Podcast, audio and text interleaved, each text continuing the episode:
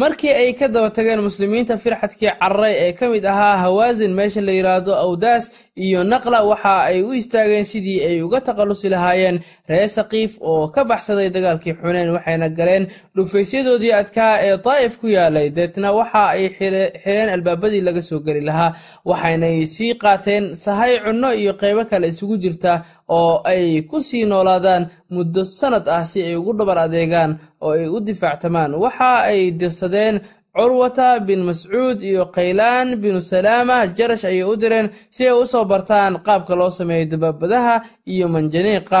Waxa ay ahayd qalab aad u horumarsan. Muslimiintiina waxa ay gaareen dhufaysyadii daa'if waxa ay ahayd xilligaasi dabayaaqadii toddobaadkii u dambeeyey ee bisha shawaal waxay degeen meel u dhow dhufaysyadooda kadibna waxaa u wareegeen meel ayaan soo gaadhaynin waramada reer saqiif ay soo ridayaan.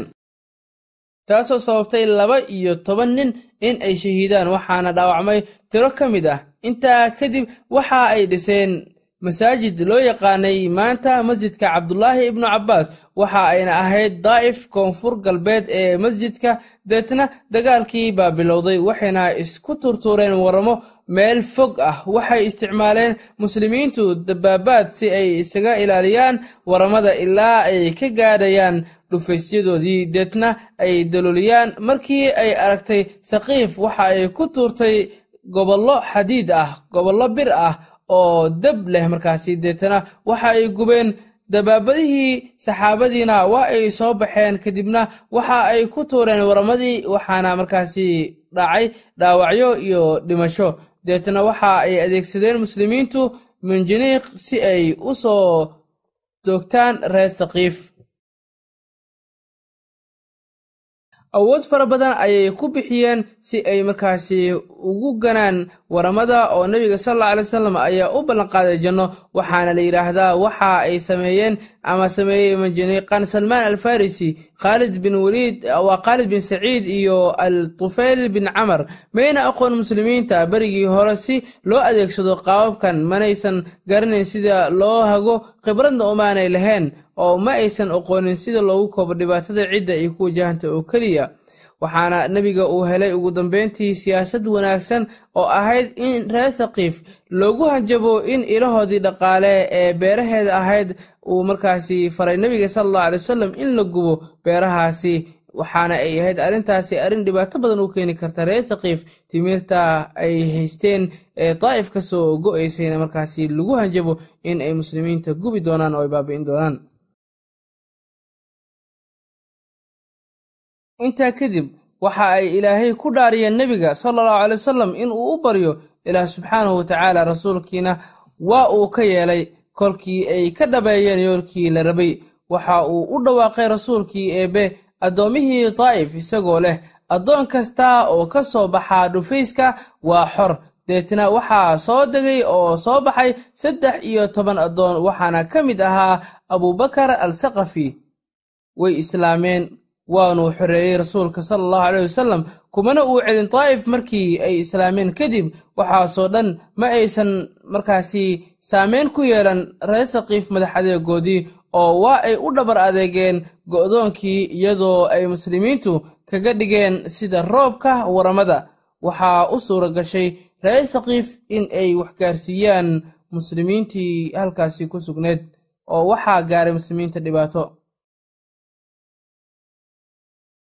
kadib waxaa badnaaday dhaawacyadoodii waxaana shahiiday laba iyo toban shahiid. Reer saqiifna waxaa ka dhintay saddex keliya iyagoo gabood ka dhigtay markaasi dhufaysyo iyo deerar dhaadheer. Markii ay adkaatay dhufaysyadii waxa uu arkay nebigu sala allahu alay wasalam inaanay faa'iido lahayn oo ay sida ahaanayso xaaladdu. Saqiifna waxa ay u sheegeen addoommihii in ay sahay badan haystaan oo sanad ay dhabar adeegi karaan. Waxa uu nebigu sala allahu caleyh wasalam ku baaqay in laga qaado go'doominta. Arrinka ayaana ku cuslaaday muslimiinta oo waa ay diideen. Markii ay badatay dhaawacyadiina waxa uu markaasi ugu yeeray nebiga mar labaad in ay ka qaadaan go'doonka waana ay la dhaceen arrinkaasi waana uu dhoola caddeeyey rasuulka sala allahu caleyh wasalam markii ay oggolaadeen oo waa uu ibtisaamooday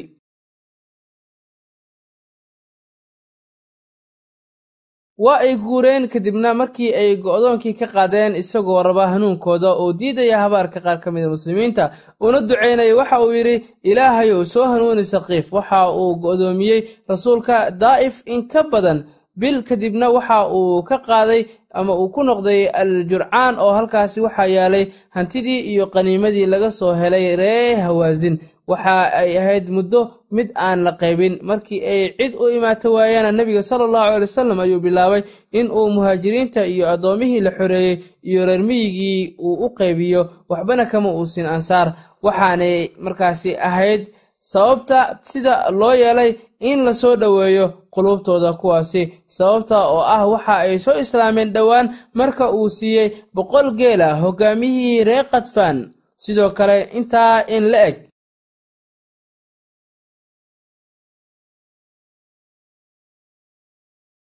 ayuu siiyey mid ka mid ah hoggaanka tamiim iyo lix kale oo ah hoggaankii qoreysh waxa uuna u qaybiyey laba iyo konton kuwii quluubtoodii la soo dhoweynayey arrintaa ayaa markaasi waxa ay soo jiidatay quluubtii hogaamiyeyaashaasi iyo dadkii la socday iyaga iyo waxa ay muujiyeen farxad. Sidoo kalena waxaa kordhay rabitaankoodii waxaana wanaagsanaaday islaamkoodii iyagoo bilaabay in ay u bixiyaan xoolahoodii iyo naftoodii alla dartii. Sida laga soo wariyey anas bin maalik hadalkiisiina waxaa ka mid ahaa haddii uu ninka uu islaama adduun dartiis islaamka waxa uu u noqdaa marka dambe mid uu jecel yahay oo ilaah dartiis ah.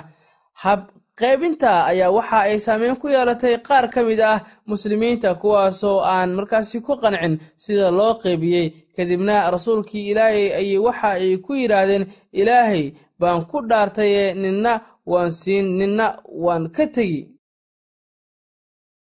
Ayuu yidhi rasuulka midka aan siiyey waxaan ka jeclahay midka aanan siin. Waxa aan siinayaa duul aan ka arko quluubtooda baqdin iyo argagax waxaan ilaahay u wakiilanayaa buu yidhi dad ilaahay ka dhigay quluubtooda hodantinimo. Waxa uu yidhi waxaan siinayaa rag cusub oo gaalnimada ragaadisay.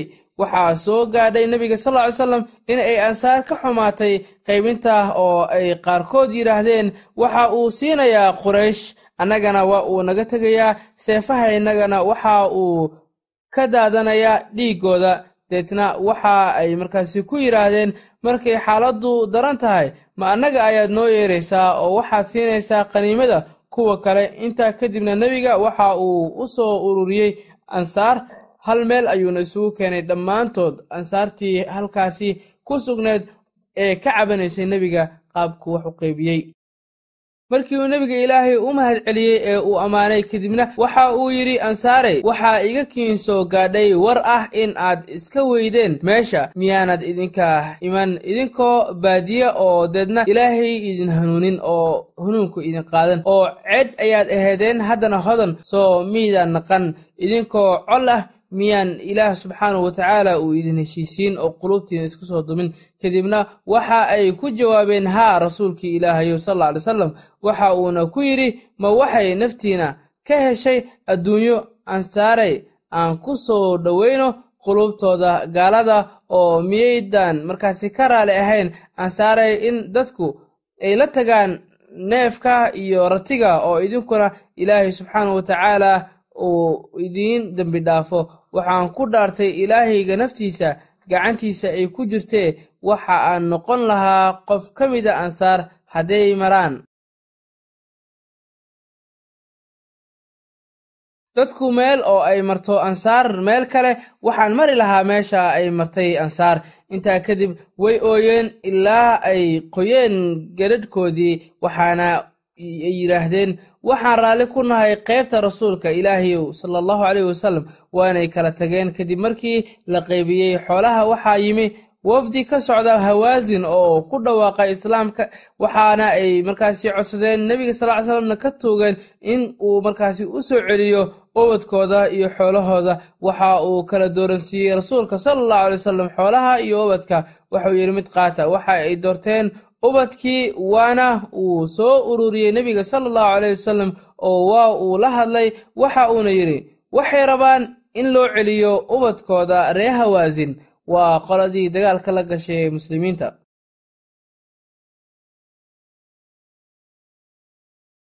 Ciddii jeclaata ee idinka idinka mid ah ee ay la fiicnaato ha samayso kii jeclaada in uu haystana waxaan siinayaa wixii ilaahay yidhaahdo inkastoo ay ku baaqeen waxaa noo fiican rasuulka ilaahayo wixii aad noo doortay. Waxa uu ku yidhi nebiga sala allahu wasalam annagu ma ogin ciddii loo oggolaaday iyo cidda aan loo oggolaan noqda ilaa inta uu ilaahay naga koryeeli doono.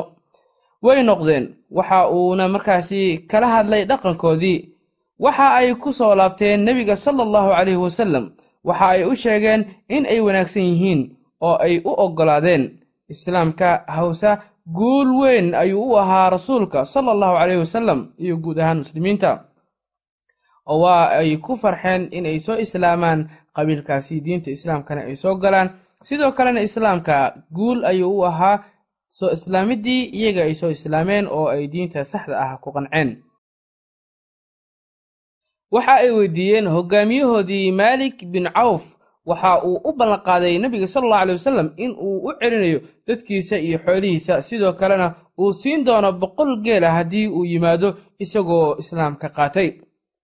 Kadibna waxaa yimid maalik isagoo muslim ah oo waxa uu markaasi ka dhabeeyey islaamnimadiisii. Intaa dabadeed waxaa islaamay hoggaankii saqiif sida curwa bin mascuud al saqafi ee ka daba yimid nebiga sal lla ly slam intii jidka uu ku sii jiray madiine waxaana uu ku soo islaamay gacantiisa waxaana daa'if ku noqday isagoo muslim ah oo dadka ugu baaqaya diinta islaamka. Waxa uu ka addimi jiray gurigiisa dushiisa isagoo maraya mid ka mida waddooyinka waxaa waran ku taagay mid ka mida dadkii gaalada ahaa ee mushrikiinta ahaa waana uu u geeriyooday warankaasi lagu taagay asiga uu addimaya. Sidaas ayuuna markaasi shahaadada ku qaatay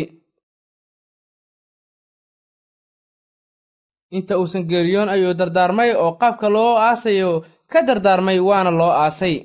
Ilaa wixii ka dambeeyey dagaalkii tabuuk markii la habeeyey dowladda maamul ahaan kadib markii uu soo laabtay nebiga sal alay wasalam madiina dhammaadkii bishii dilqacda waxa uu jeediyey in la habeeyo maamulka oo la ururiyo canshuuraha waxa uuna kaga yimi citaab binu asad maka markii uu ka dhammaaday gudashada cumrada waxa uu kaga tegey mucaad bin jabal si uu u fahamsiiyo dadka diinta islaamka oo uu u baro qur'aanka kariimka ah qowlkii ebe citaab waxa uu markaasi qaadan jiray bishii soddon dirham oo lacaga bilowgii bishii muxaram ee sannadka sagaalaad. Waxa uu markaasi kala diray nebiga sal alla alay wasalam shaqaalihiisii meelo kala duwan oo adduunka ka mida ayuuna u kala diray cibaad binu ashhali waxa uu diray markaasi nebiga sal ly salam asna saliim iyo muslimiin rafiic binu mukiis oo uu u diray juhayna iyo cumar bin caas oo uu u diray grasa al daxaak binu kilaab oo uu u diray reer bani kilaab iyo allatinan waxa uu u diray reer bani dubyaan iyo weliba yusur binu sufyaan oo loo diray kacab waxa uu diray sidoo kale bani kacab. Laba nin oo reer sacad binu hudaym ah waxa uu u diray iyagana reer banu hudaym. Almuhaajir binu abi umayana waxaa loo diray sanca. Siyaada binu labiib waxa uu u diray xadramowt cadi xaatim al daa'i waxaa loo diray dayi iyo asad. Maalik binu nawiirna waxaa loo diray markaasi reer banu xandala. Sabirqaan binu beder iyo qays binu caasna waxaa loo diray iyagana sacad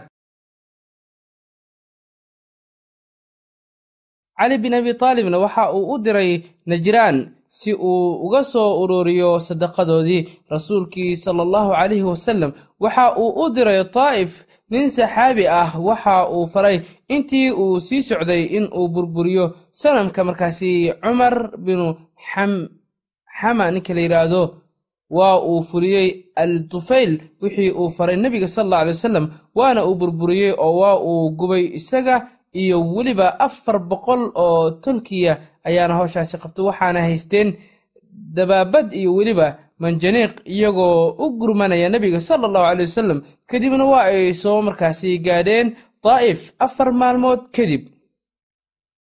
Islaamkii kacab bin suhayr saxaabu burda waa saaxibulburda waxa uu ahaa kacab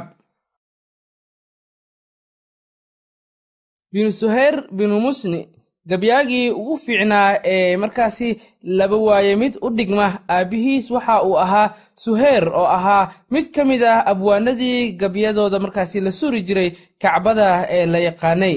Maalin ayaa waxaa wada baxay isaga iyo walaalkii bujeer iyaga oo yimaaday abraqa al curaaf oo ah meel u dhow madiinatulmunawara waxa uu ka codsaday bujeer walaalkii kacab in uu joogo halkaasi ilaa inta uu ka imaanayo moxamed sala allahu caleyh wasalam oo aad maqashid waxa uu leeyahay markii uu yimi waxa uu u soo bandhigay nebigu sal allahu alay wasalam in uu islaamo waa uu ku qancay islaamka islamarkiina waa uu islaamay isigoo intaa kadib guntiga dhiisha isaga dhigay sidii uu bujeer markaasi uu diinta islaamka u gaadhsiin lahaa ehelkiisa haba ugu horreeya walaalkii abwaanka ahaa kacab bin suhayr waxa uuna yidhi yaa iga gaarsiiya kacab ma tahay kan canaananaya xumaanta?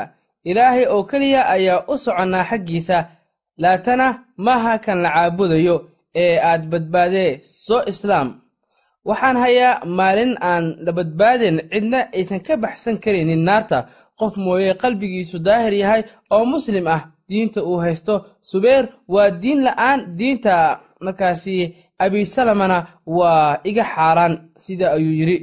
Dhanka kale markii uu ka soo noqday nebiga sala allahu alay slam daa'if ee uu ku soo noqday madiinatulmunawara waxa uu bujeer u qoray warqad walaalkii kacab taas oo ay ku qorneed in uu nebiga sal alla ly slam doonayo in uu dilo cid kasta ee dhibaysa oo ka mid ah abwaanada mushrikiinta ibnu al sabara iyo habayr binu abi wahab way carareen haddii aad wax ka tabanayso u kaalay nebiga sal alla alay wasalam isagu ma dilo ciddii u timaada iyadoo toobadkeen ah. Haddii aad samayn weydana waxaad ogaataa in dhulka uu kula yaraan doono oo lagu dili doono.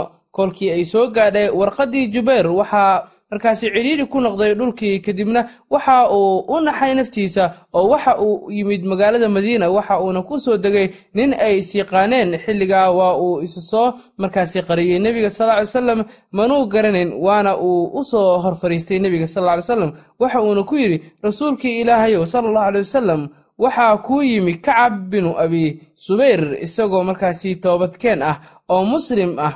Markaasi ma ka oggolaan lahayd haddii aan kuu keeno ninkaasi. Nebiga sal alay salam ayaa ku jawaabay haa waxa uu yidhi aniga weeye kacab nin ka mid a ansaar ayaa markaasi waxa uu damcay in uu dilo kolkaa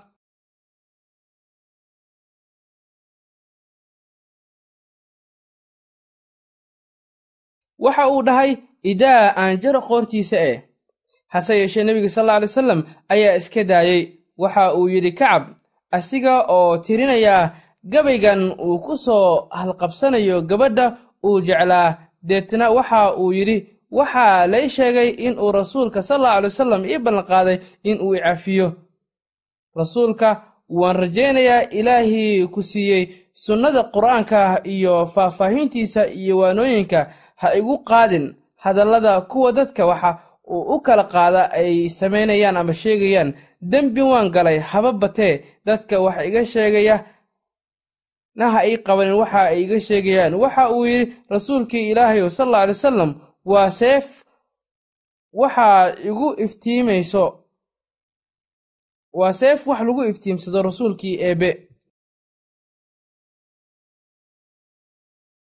waa seefaha ilaahay ee galka laga saaray. Koox ka mida quraysh ayuu yidhi mid ka mid ah maka dhexdeeda markii ay islaameen waxa uu ku ammaanay gabaygiisan kacab muhaajiriinta isaga oo aan markaasi ammaanin ansaarta. Rasuulkii ilaahi sal ly salam waxa uu tilmaamay dadka in ay dhegaystaan oo ay yimaadaan waxaanuu ku tuuray kacab go'ii uu sitay. Waxaanuu shaki ku jirin islaamnimada gabayaaga in uu saameyn weyn ku leeyahay beelaha carabta ee deggan jasiiradda carabta waayo waxa ay ahaayeen warbaahinta carbeed ee dadku dhegaystaan. Kolkii ay maqleen ansaartii in aan lala sheegin walaalahoodii gabayga waa ay u naxariisteen oo waxa ay siiyeen hadiyad oo nebiga sal allahu aley wasalam ayay la haleeleen ayagoo odhanaya markaasi ansaar oo markii hore aan lagu darin gabayga ammaanta ah ee uu jeediyey kacab binu suhayr xilliguu soo islaamay kadib. Maxaadan noola sheegin walaalaheena ansaar ee quraysh ka mid ah. Intaa kadib kolkii la dhisay dowladda madiina iyo arrimaha nolosha iyo maamulka waxa uu diray rasuulkii ilaahay sala allahu calayhi wasallam ergey si uu u fidiyo diinta kuna faafiyo awooddiisa dhammaan beelaha carabta oo dhan. Cuyayna binu xusni oo ahaa ergeyga la diray ayaa waxaa la socday ciidanka markaasi kuwaasi oo loo diray reer banu cambar oo ah tamiim bishii muxaram ee sannadkii sagaalaad ee hijiriyada ayaana markaasi la diray isagoo wata konton fardooley carbeed ah oo aanay ku jirin muhaajiriin iyo ansaar toona kolkii ay arkeen reer tamiim nimankan dagaalyahanada ah waa ay kala carareen waxaana u suura gashay cuyayna in uu soo qafaasho kow iyo toban nin kow iyo toban dumar ah iyo soddon carruur ah kuwaasoo uu u soo kaxeeyey dhanka iyo magaalada madiina. Waa ay xidheen dadkii la soo qafaashtay waxaana ay ku xidheen gurigii ramla bintu alxaaris kolkaas oo ay u yimaadeen dhowr madaxdoodii ka mid ah. Markii ay arkeen waa ay ooyeen dumarkii iyo carruurtiiba ayaguna waxa ay tageen albaabkii nebiga sal alla alay wasalam iyagoo dhahaya maxamedow noo soo bax waa uu u soo baxay rasuulka. Bilaal ayaa xilligaasi oogay salaadda iyagiina waxa ay abbaareen nebiga sala allahu caleyh wasalam si ay ula hadlaan. Nebiga waa uu la istaagay kadibna waxa uu tegey salaaddii duhurkii ayuuna dukaday. Kadibna waxa uu fadhiistay masjidka xaggiisii hore. Waxaa isa soo taagay cudaarud binu xaajib oo hadallo halkaasi ka jeediyey. Waxaa u jawaabay saabit binu qays waxaana ku soo degay aayaddan ina aladiina yunaaduunaka min waraa'i alxujuraati akharuhum ina aladiina yunaaduunaka min waraa'i alxujuraati akharuhum laa yacqiluun nebiga naxariistii nabadgelyo korkiisa haatee waa uu fasaxay oo celiyey qoysaskii iyo carruurtiiba waxaana ku jiray wafdiga tamiim al suraybaad bintu beder qays binu caasim iyo al aqar binu xaabis dhanka kale nebiga waxa uu u diray khudba binu caamir xagga iyo tabaala ama biisha oo u dhow turba waxa uuna la socday labaatan nin way baxeen. Waxay markaasi qariyeen hubkii ay wateen iyaga oo ah kuu socda habeenkii maalinkiina dhuunta ilaa ay gaadheen meeshii colka degganaa xilli habeen ah bayna ku soo beegmeen oo ay ku duuleen waxaana ka dhacay halkaasi dagaal daran oo ay ku jabeen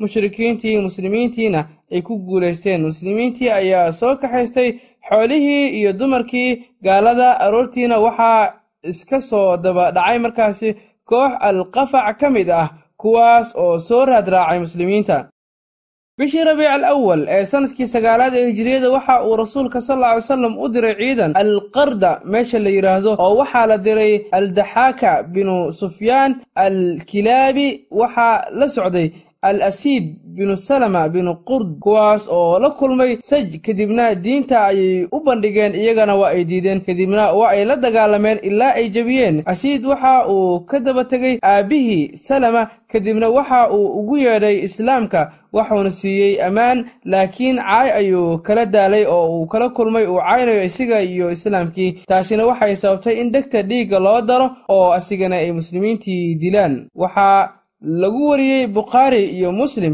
in rasuulka sal alla alay wasalam nin ansaar ka mid ah u diriyey ciidan asigoo faray in ay yeelaan kadibna ay ka cadhaysiiyaan markaas buu yidhi ii soo ururiya xaabo. Way u soo ururiyeen waxa uuna faray in ay haddana shidaan xaabadaasi.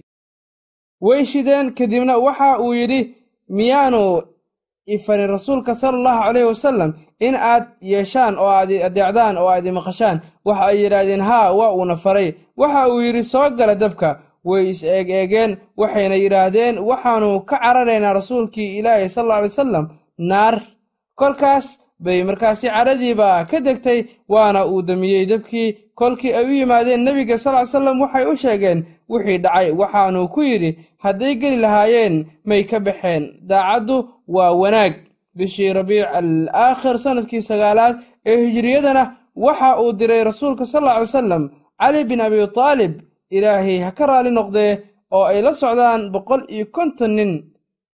Meesha la yidhaahdo al falas ayuuna u diray sanamkii dayi ayaana loo diray in ay soo burburiyaan oo ciidankii uu hogaaminayay iyo cali bin abi taalib oo israaceen. Si markaasi uu u dumiyo sanamkaasi loo diray cali bin abitaalib waxa ay ku qaadeen dagaal meeshii reer xaatim addaa'i waagii hore ay degganaayeen halkaasoo ahayd goobta loo diray cali iyo boqol iyo kontonkii ciidan ee uu hogaaminayey kadibna waxa ay dumiyeen sanamkii la odhan jiray alfalas kaas oo amarku ahaa in ay burburiyaan oo ay ka takhallusaan. Sidii ayayna yeeleen wayna kaxeeyeen isaga xoolihiisii dumarkiisii iyo weliba carruurtiisii intaba waa ay kaxeeyeen kadib markii sanamkii ay burburiyeen